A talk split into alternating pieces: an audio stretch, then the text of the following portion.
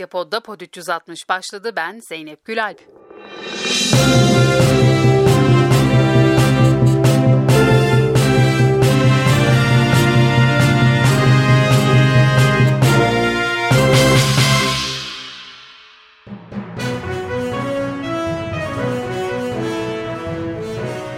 Bu haftanın en dikkat çeken konularından biri şehir üniversitesi ve beraberindeki iddialardı. Erdoğan partisinden ayrılan isimleri neden dolandırıcılıkla suçladı? Davutoğlu cephesi o iddialara ne dedi? Peki şehir üniversiteleriyle ilgili ortaya atılan iddialar neydi? Salı günü Nobel Edebiyat Ödülü'nün açıklanmasıyla birlikte tepkiler ardı ardına sıralandı. Peki neden ödülün sahibi Avusturyalı yazar Peter Handke'ye bu kadar tepki gösterildi? Konu Orhan Pamuk'a nasıl geldi? Çorlu tren faciasının dördüncü duruşması görüldü, mahkemenin kararı ne oldu? İngiltere'deki seçimin sonuçları ve daha fazlasıyla Pod 360 başlıyor. Medyapod'un podcastlerine Spotify, Google Podcast, iTunes ve Spreaker üzerinden ulaşabilirsiniz. Ve bunlar Halk Bankası'nı da dolandırmaya çalışıyorlar. İstanbul Şehir Üniversitesi ile Halkbank arasındaki kavga gündemi belirleyen konu oldu. O kavganın ardında ilginç iddialar yatıyordu. Peki konu bir anda nasıl patlak verdi? Dragos'taki eski tekel arazisi özelleştirme yüksek kurulunca 29 Mayıs 2015'te bedelsiz olarak üniversiteye verilmişti. Altında dönemin başbakanı Ahmet Davutoğlu'nun imzası vardı. Dragos'ta yapılacak kampüs için Halkbank'tan 370 milyon liralık kredi çekildi. Teminat olarak da o arazi gösterildi. Ancak üniversite yönetimi Halkbank'a olan borcunu ödemeyince meblağ faiziyle birlikte 412 milyon liraya ulaştı. Bunun üzerine banka şehir üniversitesinin tüm bankalardaki varlıklarına haciz koydu. Haciz koyulan varlıklar arasında arazi de vardı. Ancak arsanın tahsisine tepki gösteren mühendis ve mimarlar odası tarafından dava açılmıştı. Arazi hazineye devredildi. Banka bu nedenle araziyi alamadı. Üniversite yatırım kredisi alırken Halkbank'a sunduğu öğrenci sayısı ve cirolara da ulaşamadı. Banka bu sefer de teminatsız kaldı, tahsilat için harekete geçildi. Halkbank 11 Ekim'de İstanbul 18. Asliye Ticaret Mahkemesi'ne başvurdu. Üniversitenin bankalardaki tüm varlıklarına haciz koydurdu. Bu kez üniversite Halkbank'ın bu girişimine kasıtlı girişimlerdir dedi. Hacizin kaldırılması için mahkemeye başvuruldu. Mahkeme üniversitenin talebini reddederek hesapları üzerindeki hazin devamına karar verdi. İstanbul Şehir Üniversitesi ile Halkbank arasındaki bu kavga Cumhurbaşkanı Erdoğan'ın da gündemindeydi. Arazinin tahsisini ben yaptım dedi. AK Parti'nin kuruluşunda bulunan ve önemli görevler verdiği isimleri hedef aldı. O isimler AK Parti'den ayrılıp yeni bir oluşum için adım atan Ahmet Davutoğlu, Ali Babacan, Mehmet Şimşek ve Feridun Bilgin'di. Cumhurbaşkanı Erdoğan bu isimleri de Halkbank'ı dolandırmakla suçladı. Ve bunlar Halk Bankası'nı da dolandırmaya çalışıyorlar. Ve Halk Bankası'ndan bunlar kredi talebinde bulunuyorlar. Halk Bankası bunlara ciddi bir kredi veriyor. Fakat ödeme planlarında maalesef bunlar Halk Bankası'na ödemelerini yapmıyorlar. Bu isimler içinden Ahmet Davutoğlu bir açıklamayla Erdoğan'a yanıt verdi. Davutoğlu madem ki bir başbakana dolandırıcılık iftirasında bulunulmuştur, o zaman şu anda görev yapanlar da dahil olmak üzere yaşayan bütün cumhurbaşkanları, başbakanlar ve onların akrabalarının mal varlıklarını da araştırmak ve soruşturmak üzere mecliste gerekli komisyonlar oluşturulmalı dedi. CHP'den de Davutoğlu'na destek geldi. Genel Başkan Kemal Kılıçdaroğlu, Davutoğlu'nun çağrısı güzel ve yerinde bir çağrıdır. Temiz siyaset, siyasetin kirlilikten arınması açısından buna ihtiyaç var. Biz destekleriz, bunu vatandaş da bekler diye konuştu. Kabine toplantısı sonrasında konuşan İbrahim Kalınsa, Cumhurbaşkanı'nın mal varlığı ile ilgili Cumhurbaşkanımızın mal varlığı bellidir, mal beyanı bellidir, ailesiyle birlikte verilmiştir, gündem saptırmamak lazım diye konuştu. Bu açıklamadan sonra konu tekrar gündeme gelmedi. Perşembe günü Davutoğlu'nun partisi için İçişleri Bakanlığı'na resmen başvuru yapıldı. Cuma günü ise Ahmet Davutoğlu partinin resmen kurulduğunu söyledi ve isminin Gelecek Partisi olduğunu ilan etti. Gelecek Partisi hepimizin geleceğinin adresi, kaynağı ve umut ışığıdır.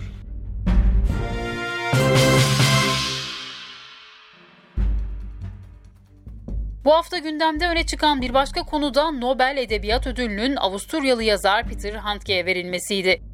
Srebrenica soykırımını inkar eden açıklamaları ve eski Sırp lider Slobodan Milošević'e duyduğu hayranlıkla tanınan Avusturyalı yazar Peter Handke'nin 2019 Nobel Edebiyat Ödülüne layık görülmesi Balkanlarda tepkiyle karşılandı. Srebrenicalı anneler Avusturyalı yazara verilen ödülün geri çekilmesini istedi. Boşnak ve Arnavut liderler kararın utanç verici olduğunu belirtti. Türkiye'de tüm siyasi partiler karara tepki gösterdi. Cumhurbaşkanı Erdoğan Nobel artık kendini bitirmiştir dedi. Ardından bir anda konu daha önce Nobel Edebiyat Ödülü alan Orhan Pamuk'a geldi. Erdoğan Türkiye'den ödül alan iki isimden biri olan Profesör Doktor Aziz Sancar'ı ayrı tutarak isim vermeden Türkiye'den teröriste ödül vermişlerdir dedi. Mesela Türkiye'den kalkmışlardır, teröriste ödül vermişlerdir. E niye? Mantık budur, anlayış budur. Bu açıklama gözleri Orhan Pamuk'a çevirdi. Ardından jet hızıyla açıklama İletişim Başkanı Fahrettin Altun'dan geldi. Altun o isim Orhan Pamuk değil dedi. Açıklamada Cumhurbaşkanımız Türkiye düşmanı ideolojik yaklaşımları ve terör faaliyetleri bilindiği halde Nobel'e aday gösterilen ya da farklı uluslararası örgütlerce ödüllendirilen isimleri kastetmiştir denildi. Sonraki günde Erdoğan eleştirilerini yinelerken hem Aziz Sancar hem de Orhan Pamuk'un adını andı. Yani bu verdiğiniz örgüt bir Aziz Sancar hocamıza verilen ödül değildir. Bir Orhan Pamuk'a verilmiş örgü, ödül değildir. Kimseyi aldatamazsınız ve aldatamayacaksınız. 9 yaşındaki bir çocuğun ikiye bölünmüş halini halini görsünler ondan sonra karar versinler. Tekirdağ'ın Çorlu ilçesinde 25 kişinin öldüğü, 328 kişinin de yaralandığı tren faciası ile ilgili açılan davanın 4. celsesi 10 Aralık'ta Çorlu Halk Eğitim Merkezi'nde görüldü. Duruşma bir kez daha bilirkişi çıkması sebebiyle 21 Nisan 2020'ye ertelendi. Faciada hayatını kaybeden 9 yaşındaki Oğuz Arda Selin dedesinin sözleri ise içimizi bir kez daha paramparça etti. Biz yaşamıyoruz. Adalet. Nerede adalet? Cumhurbaşkanım. Torununu alıp kucağına seviyorsun. Benim torunum iki parça. Çuval gibi diktiren. Torununu nasıl kucağına alıp sevebiliyorsun sen?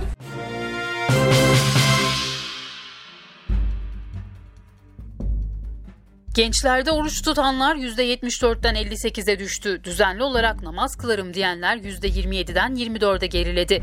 Daha geç evlendikleri ve yalnız yaşayanların çoğaldığı belirlendi. İnanç seviyelerinde dindarım diyenler azaldı. Ateistim diyenler 10 yılda %1'den %4'e çıktı. Başını örtenler %58'den 50'ye düştü. Tüm bu sonuçları T24 yazarı Murat Sabuncu'nun Sayıların Dili programında konuşan KONDA Genel Müdürü Bekir Ağırdır açıkladı. Bekir Ağırdır bu değişimin muhafazakar dünyada dini inanç zayıflıyor söylemi üzerinden tartışıldığını ancak asıl meselenin kentleşme ve metropolleşme olduğunu dile getirdi.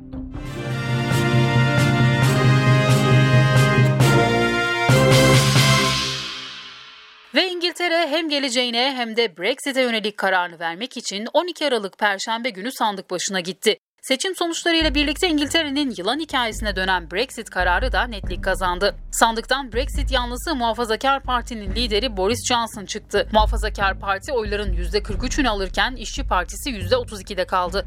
Bu sonuçlara göre Muhafazakar Parti Avam Kamerası'ndaki sandalye sayısını 47 artırarak 361 koltuk kazandı. İşçi Partisi ise seçimde büyük bir yenilgi aldı. İngiliz seçmenin kararını, bundan sonraki adımları ve seçim gözlemlerini Londra'dan gazeteci Nida Dinçtürk aktarıyor. İngiltere'de İşçi Partisi'nden yana ümitler çok yüksek olmasına rağmen Boris Johnson'ın partisi iktidara geldi. Yani aslında dünyada sağın yükselişine İngiltere'de katıldı diyebiliriz. Tabii Boris Johnson iktidarı Brexit'in kesinleşmesi anlamına geliyor mu? Büyük oranda evet ama halen daha benim şüpheli olduğum küçük bir oran var. Yani %80 %20 gibi bahsedebiliriz bu orandan. Çünkü bildiğin gibi aslında 3 yıldır Brexit'le boğuşuyor Birleşik Krallık. Özellikle son bir yılda da önce 19 Mart sonra işte yakın dönemde atlattığımız 31 Ekim gibi kritik tarihlerde de Brexit'in gerçekleşeceği düşünülüyordu ama gerçekleşmedi.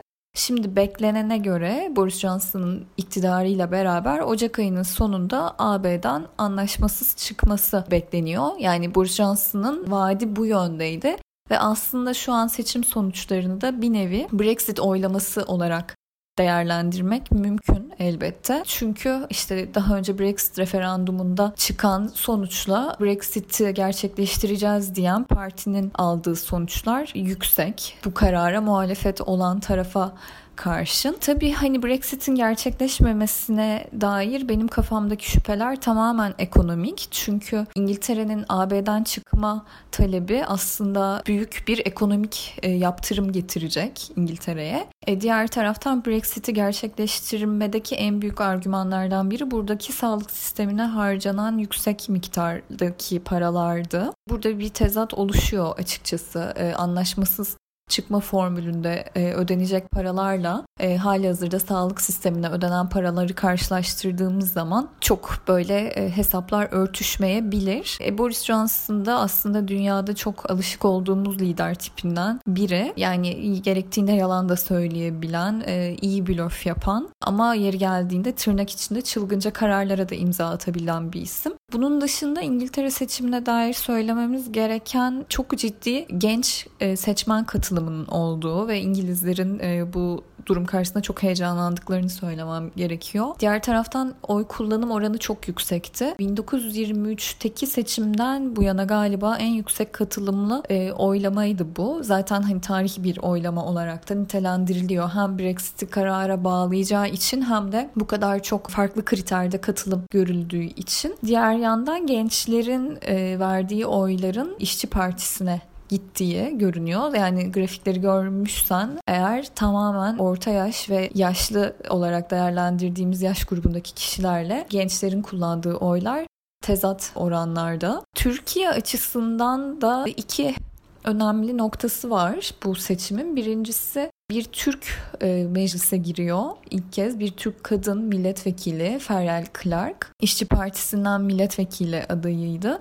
Ve aslında bu seçimde bizim e, parlamentoya girmesini beklemediğimiz bir isimdi. Çünkü gene İşçi Partisi'nin bir başka adayı İbrahim Doğuş en kuvvetli adaylardan biri olarak görünüyordu. Fakat böyle bir sürpriz yaşandı ve İbrahim Doğuş e, giremezken parlamentoya Feryal Clark girdi. Bunda tabii şunun da etkisi olabilir. Feryal Clark'ın başarısının yanında e, seçime çok kısa bir süre kala İbrahim Doğuş aslında e, burada bir kebap restoranının da sahibi ve Lambeth kentinin de belediye başkanı. Sahip olduğu kebap dükkanında e, bir vergi kaçakçılığına karıştığına dair haberler çıktı burada seçimden bir hafta kadar önce. Bunun etkisi olmuş olabilir. Yani bu notu da düşmek gerekiyor. Diğer yandan Brexit gerçekleşirse Türklerin İngiltere'ye göç etmelerinin en konforlu yöntemlerinden biri olan Ankara Anlaşması da kesin olarak sona erecek. Burada Ankara Anlaşması danışmanlığı yapan tüm hukukçular, tüm danışmanlar bu konuda çok net yorumlar yapıyorlar. Genel olarak İngiltere seçimleri böyle Zeynep aklıma gelen başka bir şey yok. Belki hani böyle bir tuhaf bilgi olarak not düşmek istersek de İngiltere'de seçimler perşembe günü yapıldı. Türkiye'de hiç alışık olmadığımız şekilde hafta içi seçimlerin yapılması beni çok şaşırttı açıkçası. Nedenini öğrendim sizlerle de paylaşayım isterim. Eski tarihlerde e, işçilerin hafta sonu mutlaka sarhoş olacağını düşündüğü için devlet adamları e, seçimlerin iş gününde ve iş saatinde yap, yapılmasına karar vermişler ve o gelenek dünden bugüne devam ediyor. Bu yüzden 12 Aralık seçimde bir perşembe gününe denk geldi. E, Nida Dinçtürk Londra'dan bildirdi. Pod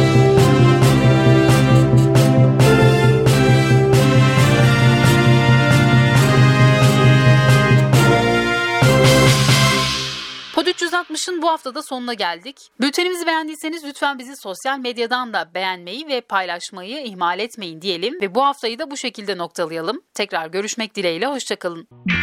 Medyapod'un podcastlerine ulaşmak için Spotify, Google Podcast, iTunes ve Spreaker'a bakabilirsiniz.